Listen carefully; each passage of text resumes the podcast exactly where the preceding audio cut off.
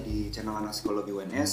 Kali ini kita akan uh, membahas mengenai peran psikologi khususnya di RSDC Wisma Atlet. Kali ini kita kedatangan bintang tamu dari Dinas Psikologi Angkatan Laut, Mayor Laut Khusus Ibnu Hajar Irawan. Beliau adalah uh, perwira menengah di Dinas Psikologi Angkatan Laut yang sudah cukup lama berkarir di TNI Angkatan Laut.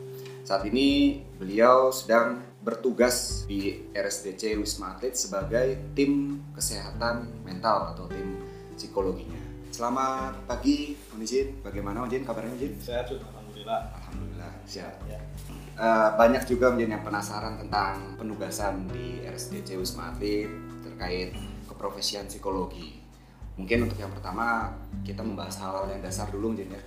ya. Sebetulnya penugasan psikologi di Wisma Atlet ini kan dari tiga angkatan mungkin ya ada darat, laut, udara. Betul. Beserta polisi juga ada mungkin? Kalau psikologi polisinya nggak ada. Polisinya nggak ada mungkin, berarti hanya dari TNI saja mungkin. Ya. Sudah berapa lama ini mungkin penugasan di Wisma Atlet? Kalau TNI-nya sendiri, tim psikologi TNI ini bertugasnya sudah tiga bulan. Sudah tiga bulan. Sudah bulan yang ketiga. Tapi setiap bulannya kita selalu berganti orang. Berganti orang. Ya, jadi saya masuk yang ketiga. Berarti sekali penugasan dari tiga gelombang yang sudah dilalui, per gelombang itu ada berapa orang yang bertugas sebagai tim kesehatan mental? kesehatan mentalnya ya. Eh, berbeda. Jadi yang gelombang pertama itu ada masing-masing angkatan darat itu mengirimkan tiga, udara dua kalau nggak salah angkatan laut dua. Jadi jadi sekitar sa- satu eh, tim TNI itu sekitar 6 sampai 7 orang. 6 sampai 7 Ya, orang. 6 sampai 7 orang. Dan itu penugasannya satu bulan sekali mungkin ya? Satu bulan, satu bulan sekali. Jadi eh, setiap bulannya diganti orang. Nah, Lalu terkait penugasannya sendiri mungkin yang berhubungan dengan ilmu psikologi. Ya. Ini kan berhadapan dengan pasien dengan virus corona mungkin ya. Hmm. Nah, itu bagaimana peran psikologi di Wisma Atlet sendiri? Apakah ikut menangani ke kesehatannya atau khusus di kesehatan mental atau seperti apa? Oke, jadi sebelum kita bahas penanganan secara psikologisnya, saya cerita sedikit eh, dasarnya kita ke sini ya. Jadi memang dari Kapuskes TNI, jadi yang di RSDC ini kan penanggung jawabnya adalah Kapuskes TNI. Kita- Di situ Kapuskes merasa bahwa dalam penugasan ini itu butuh tenaga psikologi. Otomatis eh, Kapuskes bersurat kepada Panglima meminta Panglima mengirimkan Panglima TNI ya mengirimkan masing-masing matra itu tenaga psikologinya ke sini. Nah itu dari dasar kita setelah Panglima mengeluarkan, mengeluarkan surat perintah ke masing-masing angkatan, angkatan mengirimkan masing-masing personel psikologinya. Jadi memang secara kebutuhan koordinator di sini melihat bahwa psikologi memang dibutuhkan untuk eh, ada di RSDC Wisma Atlet ini ya. Jadi kalau komposisi tim selain kita ada TNI, kita juga ada psikolog dari HIMSI. Dari IMSI Ya, psikolog sipil dari HIMSI itu saat ini ada dua orang. dua orang. Dia di bawah naungannya IPK. IPK itu yang klinis, ya impian psikologi klinis dua orang. Jadi kita total sekali tim itu bisa 8, ada 9 atau 10. Oke, jadi basicnya itu ya. Jadi memang dari pihak koordinator sini memang melihat kebutuhan psikologi ini cukup penting untuk berada di penugasan Wisma Atlet. Nah, kenapa cukup penting? Betul tadi disampaikan bahwa kita langsung ke pasien. Langsung pasien. Iya, otomatis yang kita tangani kan ada dua objek, pasien dan tenaga kesehatan itu sendiri. Hmm, berarti tidak hanya pasien, tidak Tidak. hanya pasien aja. Tidak, ada dua, dua objek, pasien dan tenaga kesehatan. Apa yang kita sasar? Sebetulnya tujuan utama adalah kita menjaga kestabilan emosi atau kesehatan mental dari dua objek ini, baik itu dari pasien maupun dari tenaga kesehatan. Kita bicara tenaga kesehatan dulu. Tenaga kesehatan ini memang sukarelawan, Hmm. dia orang yang bersuka dan rela untuk hadir di sini. Secara teori, teori demikian. Seharusnya tidak ada masalah dengan dengan mental mereka ya, karena mereka secara sukarela. Tapi kan namanya manusia ketika sudah berada di sebuah situasi yang dia kaget dan yang adaptasinya kurang, personel yang adaptasinya kurang, personel yang tidak bisa langsung menyesuaikan diri, tentu dia akan mengalami yang namanya stres. Apalagi tenaga sukarelawan ini, nakes ini, yang dihadapi adalah virus yang saat ini sangat bisa dikatakan mematikan ya. Mereka harus menggunakan APD selama 8 jam. Dan itu lumayan ya 8 jam. APD lengkap ini. level 3 atau 5 sauna gitu maksudnya kalau kita tidak jaga kesehatan mentalnya, kestabilan emosinya, tentu fokus dan konsentrasinya akan menurun. Nah, ketika dia menurun itu itu yang menyebabkan dia lengah. Pertama, dia lengah terhadap tugasnya sebagai seorang perawat misalnya. Lengahnya kenapa ya? Dia bisa saja nanti tidak bertugas dengan baik. Yang seharusnya bisa menenangkan pasien, ini malah menjadi pasien lebih stres. Misalnya pasien banyak bertanya, nurse gimana hasil saya? Bla bla bla bla. Kan biasanya pasiennya kekhawatirannya ada. Nah seorang perawat yang kondisi emosinya tidak stabil dia akan menjawab sekenanya saja. Nggak tahu pak. Bapak tunggu aja. Bapak sabar aja. Nah jawaban itu yang kita hindari. Jangan sampai seorang perawat yang garda depan terhadap pasien malah membuat pasien itu nggak nyaman. Pasien itu kan cuma butuh kepastian sebetulnya. Betul. Bagaimana juga bisa perawat itu bisa menyampaikan sesuatu yang baik kepada pasien. Perawat itu tahu ilmunya dia tahu ilmunya penyampaian harus bla bla bla bla bagus. Tapi itu tadi ketika berada di dalam bungkus APD dengan emosi yang lemah ilmu yang harusnya diterapkan itu bisa nggak jadi. Sehingga tugas kita membuat mereka bisa selalu stabil. Setiap akan dinas atau berjaga dalam kondisi yang stabil. Nah, itu tugas kita ke nakes caranya ya, kita membuat membuka kesempatan kita buka ruang bagi nakes yang ingin berkonsultasi. Jadi di awal-awal kita sudah sampaikan ke mereka pada saat pembekalan ketika sudah mengalami gejala-gejala stres contoh nih nggak bisa tidur atau lelah berlebihan silakan kontak kita. Pos psikologi stay 24 jam. Bisa online bisa langsung anda berkonsultasi ke kita. Jangan sampai anda dinas itu kondisinya stres. Itu salah satu caranya yang kedua program kita kita ada fun game buat mereka. Di waktu-waktu kosong kita cari. Mereka yang tidak berdinas kita ajak fun bermain bersama melepas stres. Ya bentuknya seperti kalau outbound. Ya ini mini outbound ada ice breaking ada game berkelompok. Nah dari game dan ice breaking itu kita berikan sedikit motivasi sedikit masukan ke mereka supaya mereka lebih uh, fresh lagi dan selalu siap menghadapi tugas itu kenakas kalau ke pasien intinya sama. Kita membuat pasien itu tidak cemas. Di sini kan kebanyakan mereka yang gejala ringan dan sedang maksudnya orang yang gejala ringan dan sedang itu cenderung dia merasa tidak sakit tapi mereka punya virus. Punya virus membawa virus. Membawa virus kan virus itu tidak boleh disebar sehingga mereka tidak boleh keluar. Orang ini tidak sakit tetapi ditahan di sini saat tanda kutip dikurung jadi seperti berasa kayak di penjara satu lagi eh, mereka maunya cepat. Padahal untuk proses misalnya swab pun itu ada waktu butuh waktu kan. Tapi mereka maunya cepat.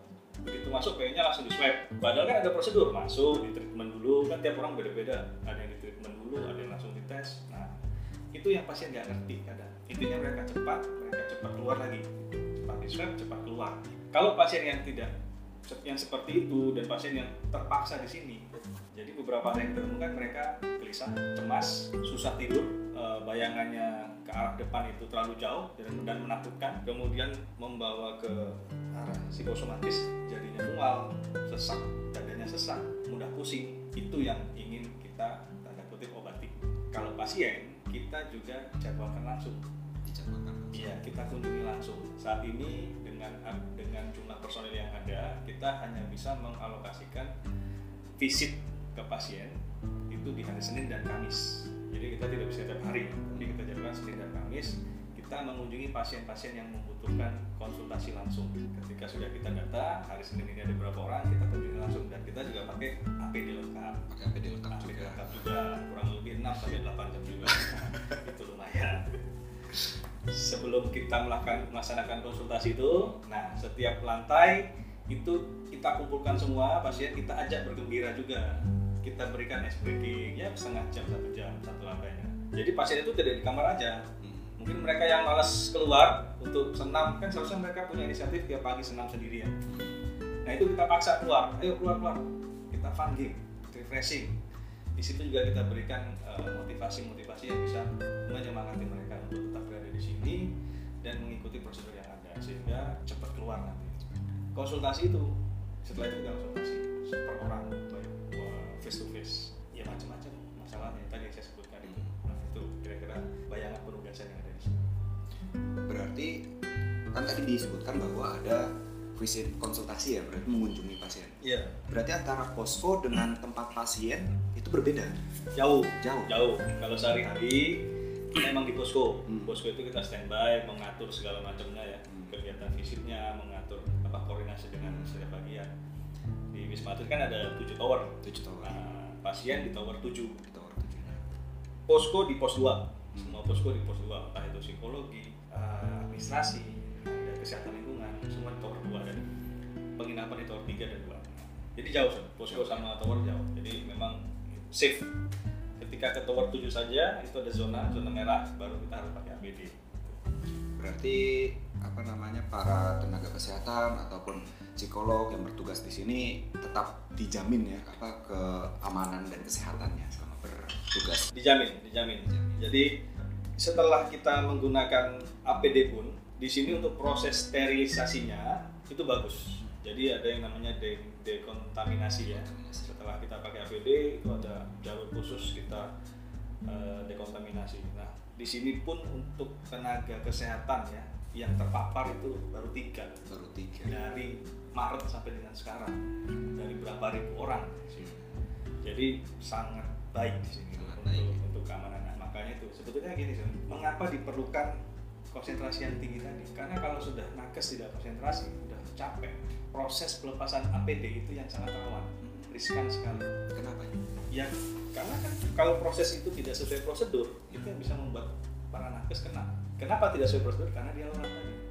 Emosinya kurang stabil dia sembarang nah, tapi kalau kita sudah yakinkan selama bertugas kamu harus begini emosi harus stabil ketika dia mau bertugas pun dia dalam kondisi fit. Jadi pada saat pelepasan dia masih dalam kondisi konsentrasi yang baik gitu. Nah, jadi proses pelepasan itu sangat diperhatikan di sini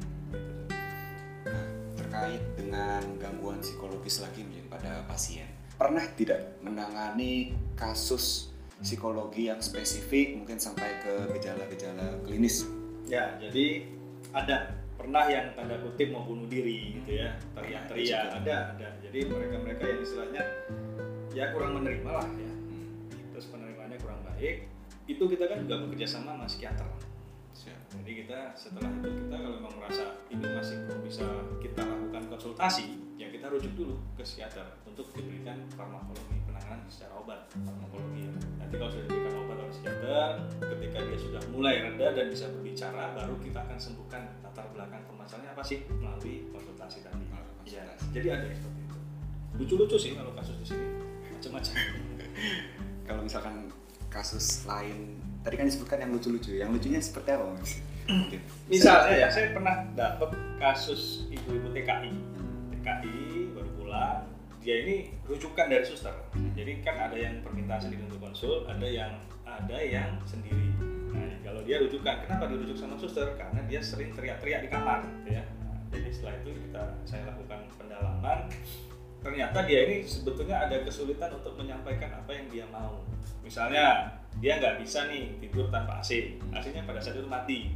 Nah dia nggak bisa, dia tuh malu tuh ngomong ke suster, jadi dia teriak-teriak aja. Iya, teriak-teriak panggil suster, baru nanti setelah itu dia bilang, ini AC-nya nih.